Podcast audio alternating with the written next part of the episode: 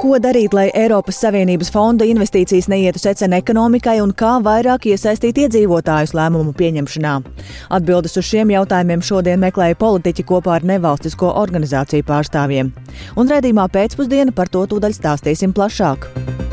Rietumi turpina izdarīt spiedienu uz Krieviju par tās izvērsto karu Ukrainā. Jaunas un līdz šim lielākās sankcijas šodien izsludinājušas Amerikas Savienotās valstis un Latvijas sieviešu futbola izlase Rīgā iesākusi UEFA Nāciju līgas pirmo pārspēli par iekļūšanu B divīzijā. Kādi mūsu futbolistiem bijuši panākumi līdz šim un ko nozīmētu izlases iekļūšana B divīzijā? Arī par to raidījumā pēcpusdienu kopā ar mani Dāci Pēkšēnu.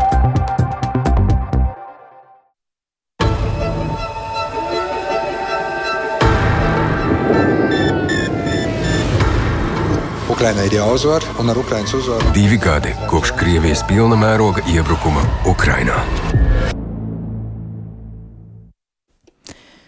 Un rietumi turpina izdarīt spiedienu uz Krieviju par tās izvērsto karu Ukrainā, kā arī atbild uz opozicionāra Alekseja Navaļnī nāvi. Sankcijas šonadēļ ir noteikusi gan Eiropas Savienība, gan Lielbritānija, un tām seko arī šodien izsludinātās Amerikas Savienoto valstu sankcijas, kas esot plašākās kopš Krievijas atkārtotā iebrukuma Ukrainā. Un plašāk par noteiktajām sankcijām ir gatavs pastāstīt Rihards Plūmis. Veiks, Rihards! Jā, labdien, rietumi patiesi turpina meklēt veidus, kā vērsties pret Krieviju un ietekmēt tās eh, kara mašinēriju. Eh, reizē arī tiek meklēts iespējas maksimāli novērst sankciju apiešanu. Tātad eh, Eiropas Savienība šodien panākusi vienošanos par 13. sankciju kārtu, un Eiropadomu šodien arī to apstiprinājusi. Un sankcijās ir iekļautas aptuveni 200 fiziskās personas un uzņēmumi, galvenokārt no Krievijas.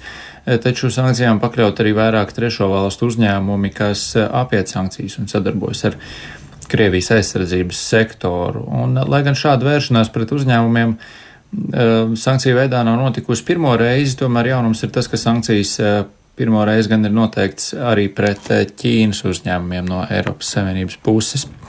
Tiesa ir viena lieta, ko Eiropas Savienība nav izdarījusi, vismaz pagaidām, proti tā nav vērsusies pret tiem, kas varētu būt vainojama opozicionāra Alekseja Navaļnija nāvē, un e, šādu soli gan ir spērusi Lielbritānija. E, sankcijas noteiktas e, pret sešām amatpersonām, kas vada Sibīrijas sodu izcēšanas koloniju, kurā Navaļnijas nomira. Tāpat arī sankcijas Briti ir vērsuši pret munīcijas ražotājiem, elektronikas uzņēmumiem, dimantu un naftas tirgotājiem.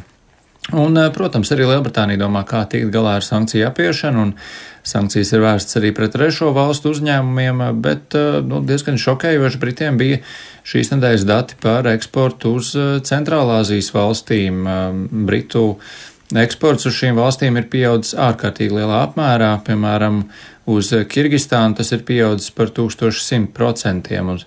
Un, uz šīm valstīm tiek eksportētas lielākoties tieši dronu, lidmašīnu un helikopteru detaļas.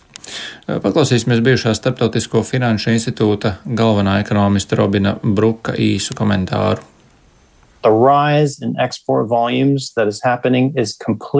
Eksporta apjomu pieaugums, kas notiek, ir pilnīgi ārprātīgs un neatbilst jebkādiem pamatdatiem šajās valstīs. Vienīgais loģiskais izskaidrojums ir Krievija.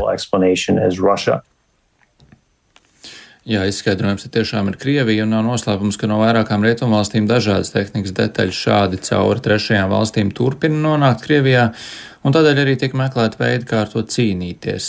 Paklausīsimies arī Finanšu noziegumu un drošības pētījumu centra direktora Toma Kītinga teikto.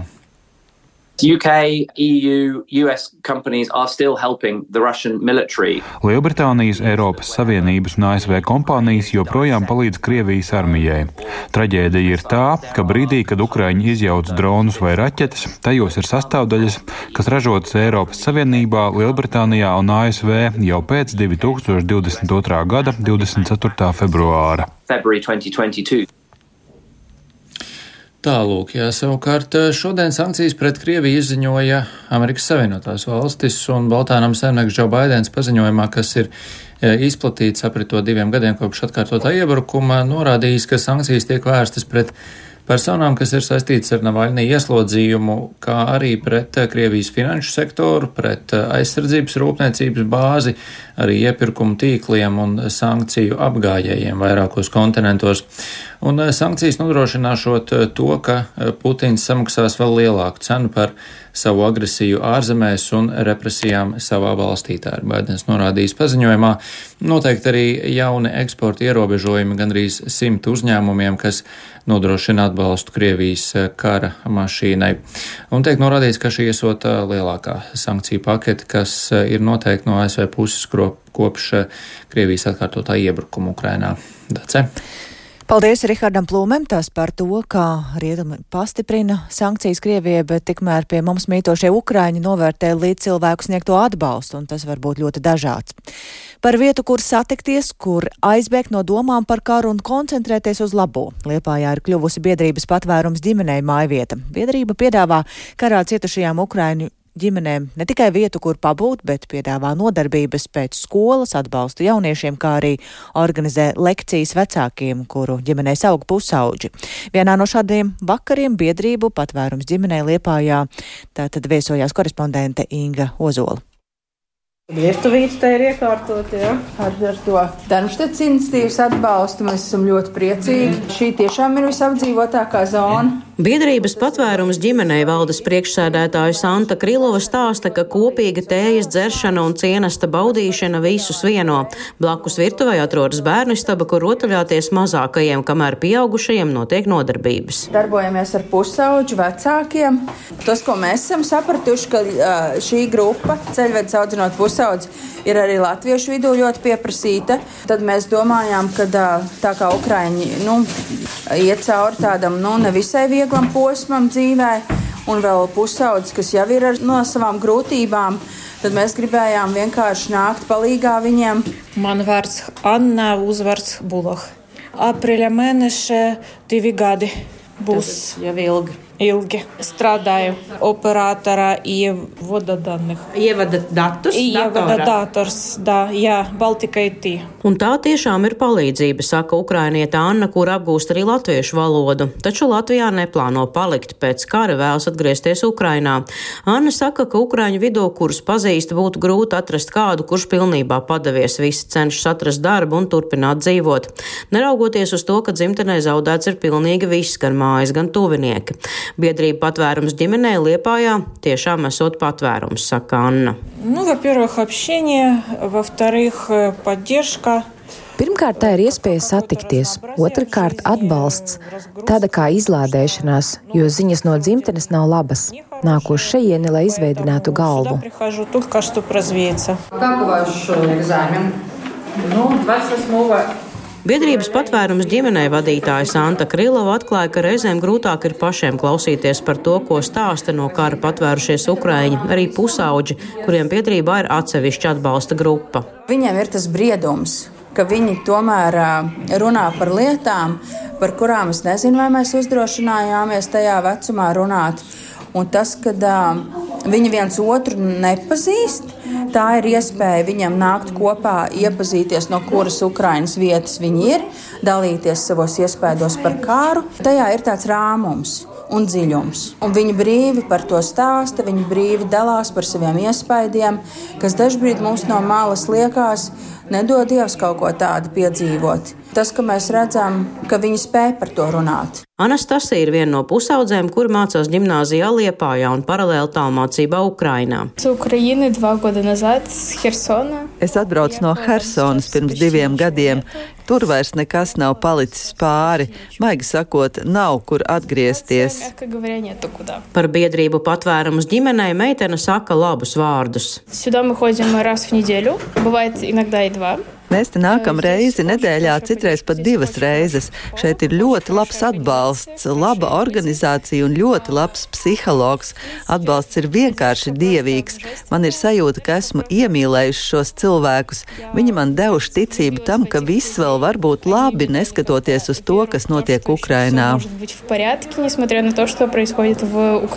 Savukārt jaunieta Līza ir no Zaporīžes, kur atbrauc uz Liepāju ar savu māmu, brāli un vecmāmiņu. Arī viņa izsaka pat pateicību cilvēkiem, kura Liepājā viņus atbalsta. Я очень благодарна людям, которые это создали, благодарна Санте, Ирине, нашему Es esmu ļoti pateicīga cilvēkiem, kuri šo ir radījuši. Esmu pateicīga Santai, Irinai un mūsu psihologam visiem, kuri sniedz mums atbalstu. Pateicoties viņiem, mēs varam uzzināt ko jaunu, atvērties, saņemt atbalstu, kas mums šobrīd ir ļoti nepieciešams. которая сейчас очень нужна. Biedrības patvērums ģimenei projekta vadītāja Irina Augustauska stāsta, ka ir zināms rūgtums par to, ka bērniem un jauniešiem skolas vidē nevienmēr klājas viegli, un tā nav tikai valodas barjera. Nu, mūsu jauniešu dzīves skolā, viņu attiecības ar, ar vienaudžiem, ar klases biedriem, ar to, ka viņiem nevienmēr sokas labi, ka viņus apvaino, tas man tā kā Vairāk par to es pārdzīvoju. Vairāk tas, ka droši vien viņi atšķirās no pārējiem, un uh, vietējie jaunieši neīpaši grib viņus pieņemt. Uh, nu, jā, un viņi diezgan bieži apvaino viņus visādos veidos. Biedrības pārstāve uzsver, ka pusaudžiem jau tāpat ir savi izaicinājumi, taču papildus tiem ir kara psiholoģiskās sekas, tāpēc patvērums ģimenei ir viena no iespējām, kur atbalstu saņemt tieši Liepājā. Ingozola Latvijas radio kurzmē. Dzirdējām par vienu būtisku atbalsta punktu Ukraiņiem, un šajā laikā šķiet esam ik viens pamanījuši, cik daudz var nozīmēt sabiedrības iesaistīšanās un pat visniecīgākais atbalsts, bet tās nav vienīgās pārmaiņas, kas notikušas. Šo divu gadu laikā mainījusies, piemēram, arī Latvijas sabiedrības izpratne par Krievu mākslu un kultūru. Tā šorīt raidījumā labrīt kolēģiem Martai Skujai un Laurim Zvēniekam sacīja Kultūras akadēmijas rektore Rūta Muktupāvela. Sabiedrība ir sākusi pārvērtēt Krievu kultūras šķietamo visvarenību plašumu un it kā nespēju aizstāt ar to ar ko citu. Arī tā ilūzija par to, ka no rekurā Krievu kultūra bija unikāla un kaut kas tāds pārpasaulīgs un visiem aktuāls, es domāju, mēs arī bišķiņ veseļojamies arī no šī uzskata. Faktiski mēs bijām indokrinēti tādā ziņā, ka, ja man būtu iespēja izvēlēties arī skolas laikā labāk lasītu Gēta Bodlēru vai Hemingveju vai Borges oriģinālu valodā, vai ne, nekā Dostojevskiju vai Tolstoju. Un skatīties Monty Python vai ne, nevis Krievu humoristus. Un, tas ir ārkārtīgi, manuprāt, svarīgi. Un uh, pārvērtēt šīs lietas, jo māksla vienmēr ir par vērtībām. Māksla nav kaut kāda abstrakcija, ko rada dievi. To rada autori, kas dzīvo konkrētā laikā, konkrētā telpā. Un uzskatīt, ka māksla ir kaut kas atsevišķs un uh, atrauts, tas ir nepareizi. Un tas, tas nav iespējami, atklāti sakot. Jā. Bet par krievu valodu runājot, arī tā vienu brīdi nonāca tādā savdabīgā statusā. Latvijā dzīvojošie krievi nereti izvairījās runāt krieviski, mm. runāja angliski, bet saziņā ar ukraiņiem nu, mums joprojām krievu valoda ir tā starpnieku valoda. Tā ir situatīva situācija, bet tā tiek risināta, kā jūs redzat, tieši ukraiņu cilvēki, kas ir pārcēlušies uz rietumiem, viņi ļoti ātri apgūst valodas un ļoti ir atvērti. Un uh, arī attiecībā uz tiem no Krievijas iebraukušiem cilvēkiem, kas ir Krievi, es arī redzu ļoti tādus labus arī piemērus, kad uh, cilvēki pat nerunājot latviski, bet vismaz sasveicināties un kaut kā izrādīt cieņu tai zemē, kurā tu atrodies. Nu, manuprāt, tas ir tik elementāri, bet kādreiz tas nebija pats par sevi saprotams. Arī citas mentālas, protams, izpausmes mēs redzam ziņās, mums stāsta, ka ir palielinājies asiņainu avāriju, letālu avāriju skaits. Un mēs redzam arī atsevišķos dažādos gadījumos un video, kur cilvēkiem uzbrūk tikai par to, ka viņš nokavēja zaļo gaismu, tur neaizbrauc. Un, un jūs domājat, ka tas ir? Piekauju, un, nu, tie nav mūsu krievi, starp citu. Un šeit tur ir tā mentālā telpa parādās. Es tiešām sāku dalīt, kas ir, es atpazīstu mūsu krievus. Un viņi tiešām ir inkulturējusies. Viņi tiešām sāk pārvērtēt arī tās situācijas, kas notiek. Es nerunāju par apzināto piekto kolonu, tā ir cita lieta. Bet ļoti daudzi tiešām Latvijas krievi. Es ļoti ceru, ka viņiem rodas šī izpratne, ka viņiem ir jāizstāv un jācīnās par šo zemi, jo neviens īpaši viņus Krievijā negaida. Un, ja gaida, tad tikai manipulatīvos nolūkos. Mums arī ir krievu studenti, brīnišķīgas personības, un mēs diskutējam, reizēm strīdamies, bet uh, man šķiet, ka savā ziņā šī plaisa, un es ļoti, ļoti ceru, ka tā būs arī nākotnē, ka tā sāk samazināties starp tā dēvēto krievalodīgo kopienu un uh, latviešu valodā runājušiem. Bet veidosies plaisa nosacītajā krievu kopienā? Būt, jā. Un tas, protams, tas nenotiek ļoti ātri, jo tie cilvēki, kas ir iebraukuši, ir ar ļoti dažādu izglītību, ļoti dažādu arī, protams, attieksmi. Tā kultūras akadēmijas rektore Rūta Mukta Pāvela. Un arī mēs sabiedriskie mediji aicinām domās un darbos būt kopā ar Ukrainu. Un rīt, kad apritēs divi gadi kopš Krievijas plaša mēroga iebrukuma Ukrainā, būs speciāli tam veltīts raidījums Labrīt un īpaša programma visu dienu, bet tieši pulksten 12. visos Latvijas radio kanālos un arī desmitiem citu mediju tiks atskaņota Ukrainas himna, apliecinot vienotu atbalstu Ukrainai.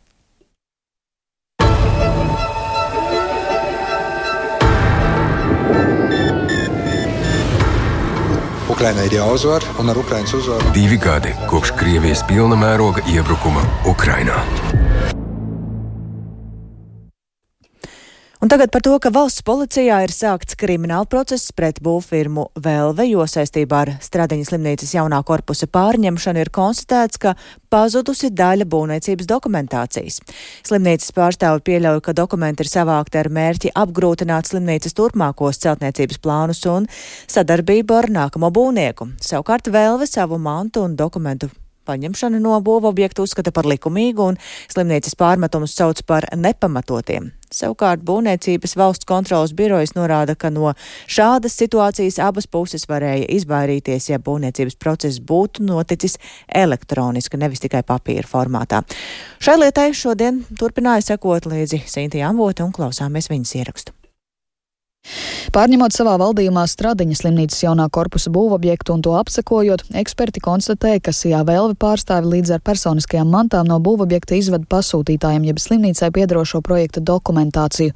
Slimnīca par to informēja valsts policija, kas ieradās notikuma vietā un ierosināts krimināla process. Slimnīcas pārstāvis zvērnāts advokāts Benno Butulis norāda, ka šie dokumenti, kopumā 25 mapes, pat laban atrodas policijā, kura izskatīs, kas pieder pasūtītājiem un kas būvniekam.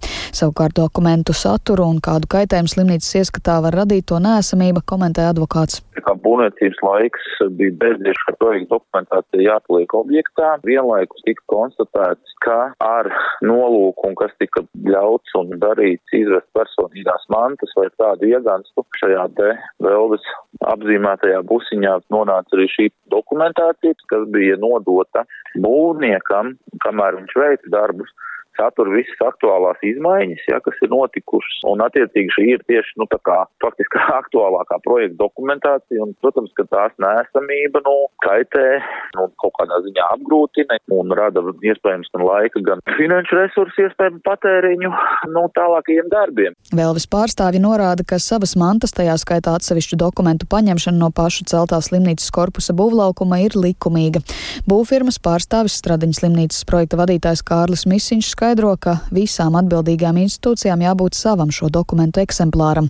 Būvnieks uzskata, ka objektu pārņemšana notika pretiesiski un dokumenti paņemti no objekta, lai uzņēmums arī sev saglabātu pierādījumus par paveikto. Šobrīd tā situācija ir tāda, ka tie ir uzņēmēja vēlves dokumenti, tā ir būvniecības lietvedība, vēlves objekta lietvedība, tas ir būvprojekts, kuru pasūtītājs mums ir izdevis pie līguma noslēgšanas, lai mēs veiktu darbus. Šobrīd atņemot šo dokumentāciju visu, nu, kas mums objektā bija, pasūtītājs pilnībā padara vēlvi bezspēcīgu un arī apakšu uzņēmējs pierādīt izdarīto darbu daudzumu. Tas, ko pasūtītājs rīko, tas vienkārši ir pretiesiski. Un tas vienkārši absurds, ka man policists pienāk klāt un trīs reizes man draud ar kriminālu procesu uzsākšanu par mani, ja es neatdošu dokumentus. Es policistam uzrādu dokumentus, kur pasūtītājs pats man ir ar pavadu vēstuli izdevis dokumentu, kur viņš norāda, ka viņš vienu eksemplāru patur sev un otru izdod vēlvēji. Būvdarba dokumentācijas iztrūkumu fiksējuši arī zvērnāti tiesu izpildītāji, par to informēta Rīgas pilsētas būvvalde un Būvniecības valsts kontrolas birojas, kur Būvniecības kontrolas departamenta direktors Māris Dēme saka, ka būvdarbu veikšanai nepieciešamā dokumentācija drīkst neatrasties būvlaukumā tikai tad, ja tā ir Būvniecības informācijas sistēmā, taču šis projekts bija iesākts tikai papīra formātā. Tā bija patīs procesa dalībnieku izvēle, lai turpinātu šo būvniecības procesu, nu, papīrā nosacīti, ja visus šos dokumentus formējot, vai pāriet uz elektronisko procesu. Nu, šajā gadījumā gan jāsaka tā, ka arī atbilstoši iekšējām kvalitātes kontrolas sistēmām tiek vest arī savu dokumentāciju citā elektroniskā sistēmā, kas ir pieejama arī būvniecības ierosinātājiem. Un mēs arī noteikti no savas puses tad interesēsimies, kur ir šī dokumentācija atrodama šobrīd, un attiecīgi, nu, tad arī tālāk rīkosimies. Jā, no šī gadījumā ir problēma tajā, ka būtļaujā jau ir veikts izmaiņas un nav vairs šobrīd procesā ne galvenais būdarba veicējs, ne atbildīgais būdarba vadītājs, bet, nu, protams, tāpat ir jātiek skaidrībā, kur ir šī dokumentācija. Stradiņas slimnīcas objektā šobrīd būvdarbi nenotiek, pasūtītājs apseko būvlaukumu un uzskaita paveiktos darbus un zaudējumus, lai noteiktu to kopapjomu un celtu prasību tiesā pret Sijā Vēlve. Sinti Ambote, Latvijas radio. Un tiesību sargājošo iestāžu uzmanības lokā ir nonākusi arī Centrālā vēlēšanu komisija. Tās pašreizējā vadība uzsver, ka korupcijas novēršanas un apkarošanas biroja pabeigtā un prokuratūrai nodotā krimināla lieta, kas saistīta ar bijušajiem un esošajiem Centrālās vēlēšanu komisijas darbiniekiem, neietekmējot gatavošanās šī gada Eiropa parlamenta vēlēšanām. Savukārt apsūdzētā uzņēmuma pārstāvis Renārs Kādžulis par knābu izmeklēšanu ir kritisks un apsūdzības ir gatavs atspēkot prokuratūrā. Par lietas tālāko virzību interesējās Jānis Kīncis. Korupcijas novēršanas un apkarošanas birojas lietu par krāpšanu Centrālās vēlēšana komisijas iepirkumos sāka 2022. gada nogalē. Tolaik lietā figurēja desmit cilvēki, ieskaitot visu toreizējo CVK sastāvu. Pašlaik, kad lieta nodota prokuratūrai, lietā ir trīs cilvēki un informācijas tehnoloģija uzņēmums SOAR. Turpina knaba pārstāve Agita Antonāne. Šis uzņēmējs iepirkuma dokumentācijā iespējams ir norādījis nepatiesu informāciju par plānotajiem pakalpojumiem.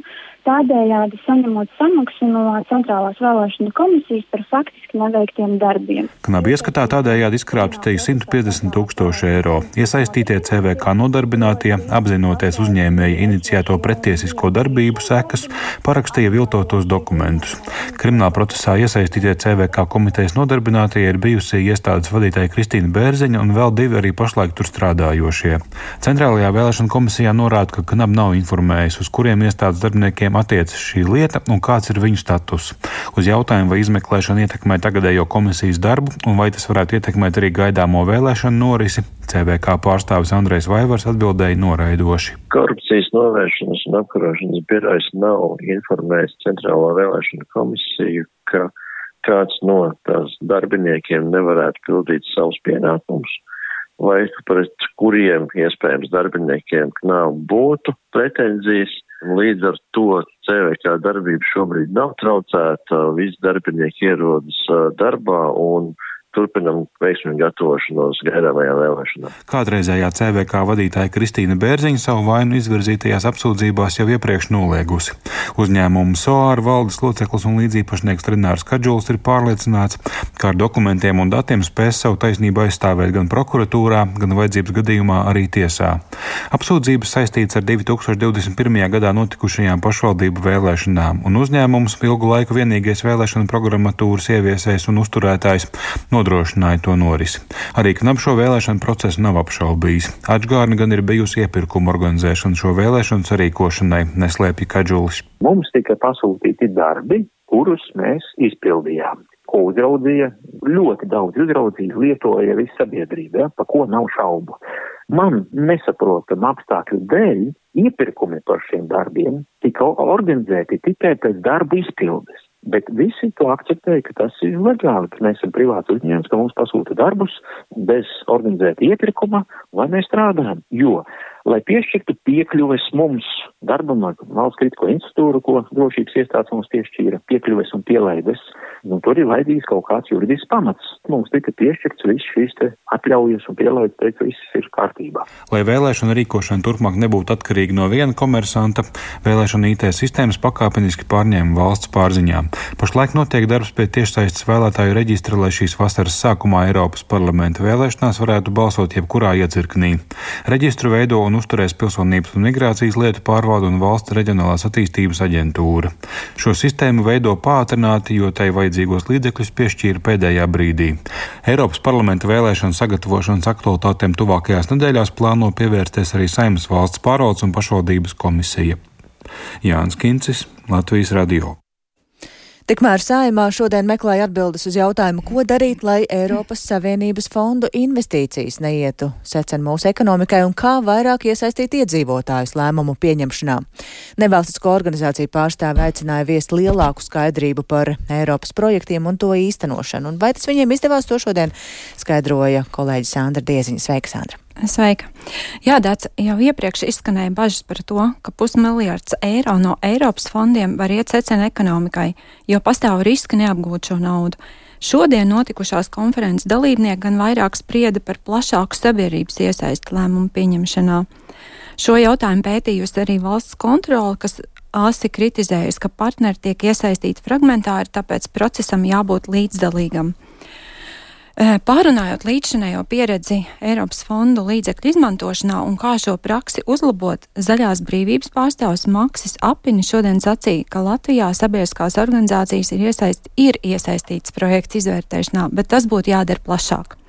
Organizācijām trūkstot informācijas, kur un kad jāiesaistās saistībā ar Eiropas projektiem, teju vai jānodarbojas ar izmeklēšanu, lai uzzinātu plašāku informāciju. Uzraudzības komitejā nesot arī plaši pārstāvēt jauniešu auditoriju. Uh, un stāsta zaļās brīvības pārstāvis Maksis Apinis. Dažkārt tie atlases kriteriji izstāsta labi, visam vajadzētu būt kārtībā, bet tad kad tas aiziet projekta līmenī, tad tur notiek citas lietas. Beigās mēs kaut kad dzirdam no pēc dažiem gadiem, žurnālists kāds raksta par Eiropas Savienības fondiem, tiek finansēts kaut kāds bezjēdzīgs projekts. Un kā tas netika izķerts? Tāpēc, ka nav iespēja redzēt tālāk tos projektus.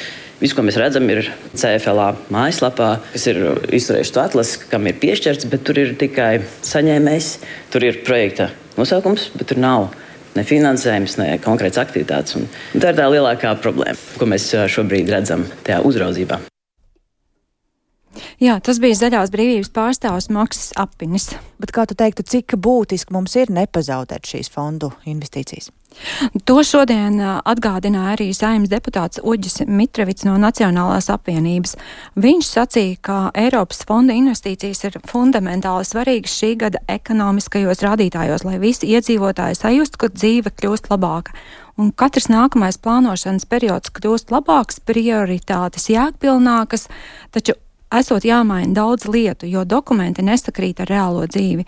Turklāt brutālais karš Ukrainā ir mainījis visu šo situāciju. Savukārt Finanšu ministrijas parlamentārā sekretāra Karina Ploka no jaunās vienotības uzsvēra, ka Eiropas fondu investīcijas ir nozīmīgs instruments Latvijas ekonomikas attīstībai. Sagaidāms, ka valstī ik gadu ienāks aptuveni miljards eiro, un šobrīd Finanšu ministrija aktīvi strādājot, lai pātrinātu fondu naudas ieviešanu. Ploks skaidro, ka tagad Finanšu ministrija jau no cita griezuma vērtī gan projektu gatavību, gan ietekmu uz ekonomiku un projektu pabeigšanas termiņus. Par to, kāda ir situācija, klausāmies Karina Ploku. Ir daudz labi dokumenti, bet ko mēs esam no finanšu ministrijas puses konstatējuši, ka šie dokumenti ir faktiski bez naudas. Tas mūs atšķir no Igaunijas, ka Igaunijā šie plānošanas dokumenti tiek veidoti atbilstoši pieejamam finansējumam. Mēs varam, protams, sarakstīt šajos plānošanas dokumentos liels vēlmes sarakstus, bet pretī tam valsts budžeta finansējums nebūs. Uz šīm potenciālām pārdalēm, kas varētu no Eiropas Savienības fondiem tagad tikt skatīts nākamajā fondu komitejā, kā mēs varam atslogot uh, valsts budžetu budžetu, ieguldot valsts budžetā paredzētās lietas, aizvietojot ar fondu finansējumu. Otra lieta, par ko mēs diskutējām, bija vairāku dienu garumā diskusijas ar pašvaldībām par šo skolu reformu. Tur mēs daudz ko varam veikt no fondiem. Tā bija Karina Ploka. Bet šodienas konferencē, skaidrojot plašāk sabiedrības iesaistu lēmumu pieņemšanā, Tartu universitātes pētnieks Edgars Eikmans sacīja, ka Eiropas Savienības fondi strādā atšķirīgi un no tā izriet daudz jautājumi. Un pirmo reizi um, Eiropas Savienība prasa naudu pretī reformām, un tas jau ir būtisks aspekts. Tā nav tikai investīcija nauda, bet tai pretī jāliek reformas, un tas prasot daudz laika. Uh, ir pat uh, vairāki mēneši pagājuši, kamēr Baltijas valdības un finanšu ministrijas sapratušas, ka būs kaut kas jādod pretī, un šajā īsajā laikā apspriešanās bijis grūti iesaistīt sabiedriskās organizācijas. Finanšu ministrijas pārstāvja gan zina teikt, ka pēdējos gados ļoti augusi sabiedrības līdzdalība dažādu procesu iesaistē. Paldies, Sandrai Dieziņai, tas par to, cik svarīgi mums ir nepazaudēt Eiropas naudu, bet ne tikai to mums ir svarīgi nepazaudēt. Policistu Latvijā ir par mazu un nepieciešams steidzami rīkoties, jo tas ir arī valsts drošības jautājums. Tā šodien atzina valsts policijas vadība. Policistu atbirums vislielākais bijis 2022. gadā, taču turpinājies arī pērn, un arī Eurostat dati liecina, ka pie mums rādītāji ir vieni no zemākajiem Eiropā. Un ko tad policija aicina darīt, lai piesaistītu jaunus darbiniekus un noturētu jau esošos? To šodien skaidroja Agnija Lazdeņa un klausāmies viņas ierakstu. Valsts policija pakāpeniski samazina štāta vietas, tādējādi cīnoties arī ar darbinieku trūkumu, tomēr ik gadu tas turpina pieaugt. Pērn no visām amata vietām valsts policijā iztrūcis virs pusotra tūkstoša, jeb 25% darbinieku. No visu valsts policijas amatpersonu skaita pērn gandrīz puse bija sievietes, un lai gan dienesta laiks pagarināts 170 amatpersonām, aptuveni tikpat no darba valsts policijā atvaļinājušās pēc pašu vēlēšanās. Valsts policijas priekšnieka vietnieks galvenās administrācijas administratīvās pārvaldes priekšnieks Normunds Grūbis skaidro, ka policijas darbinieku skaitu ietekmē arī darbinieku trūkums valstī kopumā. Tiesa viņš gan arī atzīst, ka problēma pastāv, un lai piesaistītu jaunus policistus un noturētu esošos, primāri nepieciešams paaugstināt atalgojumu, uzlabot darba vidi, tostarp kā darbinieki norāda darba aptaujās, arī policista profesijas reputāciju. Šī tā daļa, kur, nu, Jā, viņi ir sāpīgi. Nu, arī pagājušo gadu ir 176, kas aizgājuši pēc pašvēlēšanās, iepriekš 180. Nu, tad tā, tā tendence ir tāda paliekoša. Ja mēs teiksim, tādās pārējās pozīcijās vēl skatāmies, ko mēs varam nu, kā iestādi ietekmēt, uzlabot, nu, tad šis ir tāds, jā, arī šobrīd noslēdzās darbinieku aptauja. Tādas divas sāpīgās lietas, kas bija norādītas, tas ir atlīdzība un tie jautājumi, kaut kas nu, pat atkal izskanēja publiski, izdienas pensijas jautājumi. Jā, tas arī darbiniekiem ir svarīgi. Valsts policijas koledžas direktors Dmitrijs Homenko atzīst, ka problēma ir visai vienkārša recepte. Policijai ir jāturpina tikpat strauji attīstīties, lai tā kļūtu par mūsdienīgu, attīstītu un tehnoloģiski attīstītu dienestu, un to varot paveikt piesaistot un uzņemot policijā tieši jaunus un mūsdienīgi domājošus jauniešus. Man liekas, tā arī ir atslēga uz to, uz ko mēs ejam. Jo paskatoties valsts policijas koledžas ikdienu, pēdējo gadu laikā mēs ieviesam ne tikai virtuālas tehnoloģijas apmācību procesos, bet arī aktīvi iepērkam dārgu programmu nodrošinājumu, lai apmācītu kadetus, reaģēt uz nozīmīgiem nodarījumiem arī virtuālajā vidē. Jo virtuālā vidē tehnoloģijas, konkurētspējīgs atalgojums un misijas sajūta, kas nepieciešama policijas darbiniekam. Četras atslēgas, un policija būs vēl labāk. Runājot par policijas darbinieku skaita samazināšanos, valsts policijas priekšnieks Armants Rūks uzsver, ka pie šī brīža ģeopolitiskās situācijas vairs nav kur samazināties. Mums vajag sabiedrības atbalstu, politiķu atbalstu, mums vajag normālu atalgojumu. Paldies, ka pēdējos divos gados, 23. gadā un 24. gadā, mums ir atalgojumi jau kaut cik uh, nopietnas atbalsts iedots. Tas neizlīdzina, protams, ilglaicīgi šo izveidojušos atalgojumu starpību, bet lietas iet uz labo pusi. Tas ir jāatur jāturpina, jo mazināties mēs vairs nevaram. Arī iekšlietu ministrs Rihards Kozlovskis no jaunās vienotības intervijā Latvijas radio raidījumā Labrīt ir paudis, ka diemžēl atalgojuma ziņā policija un glābēji atpaliek no bruņotajiem spēkiem, taču tas tiekot risināts. Pašlaik jau izvērtēšanas posmā šis atlīdzības sociālo garantiju jautājums, ko es esmu ieskicējis un jau publiski arī teicis par trīs gadiem. Es ļoti ceru, ka nākamgad mēs atrisināsim sociālo garantiju jautājumu, līdz ar to būtiski sparot soli uz šo izlīdzinājumu salīdzināšana ar bruņotajiem spēkiem. Tāpat iekšlietu ministrs norāda, ka, ja tas tikšot izdarīts, tas būšot ļoti būtisks solis, kas skars visas amatpersonas un arī mazinās atalgojuma atšķirību ar bruņotajiem spēkiem. Agnija Lazdiņa, Latvijas radio. Un nu par sportu. Latvijas sieviešu futbola izlasēja šobrīd Rīgā. Tūdaļ, tūdaļ ir jāsāk UEFA. Nācija līgas pirmā pārspēle par iekļūšanu B divīzijā tiekoties ar Slovākijas valsts vienību.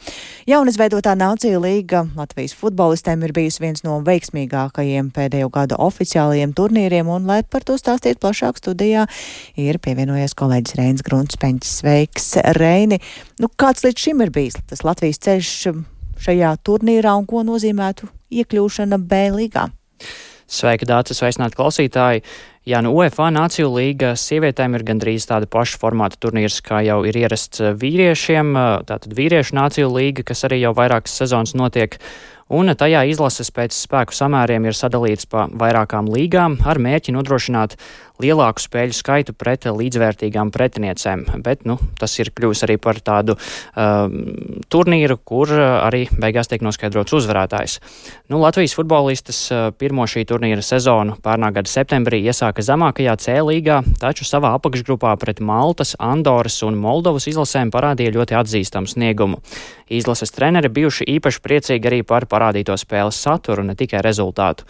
Sešās spēlēs tika izcīnītas trīs uzvaras, viens neizšķirts un divi zaudējumi. Latvijas izlase ierindojās otrajā vietā aiz Maltas, kam abas reizes līdzīgā spēlē piekāpās, taču visi trīs panākumi bija netipiski rezultatīvi. Tajos divreiz uzvarot ar 4-0 un vienreiz arī ar 5-0.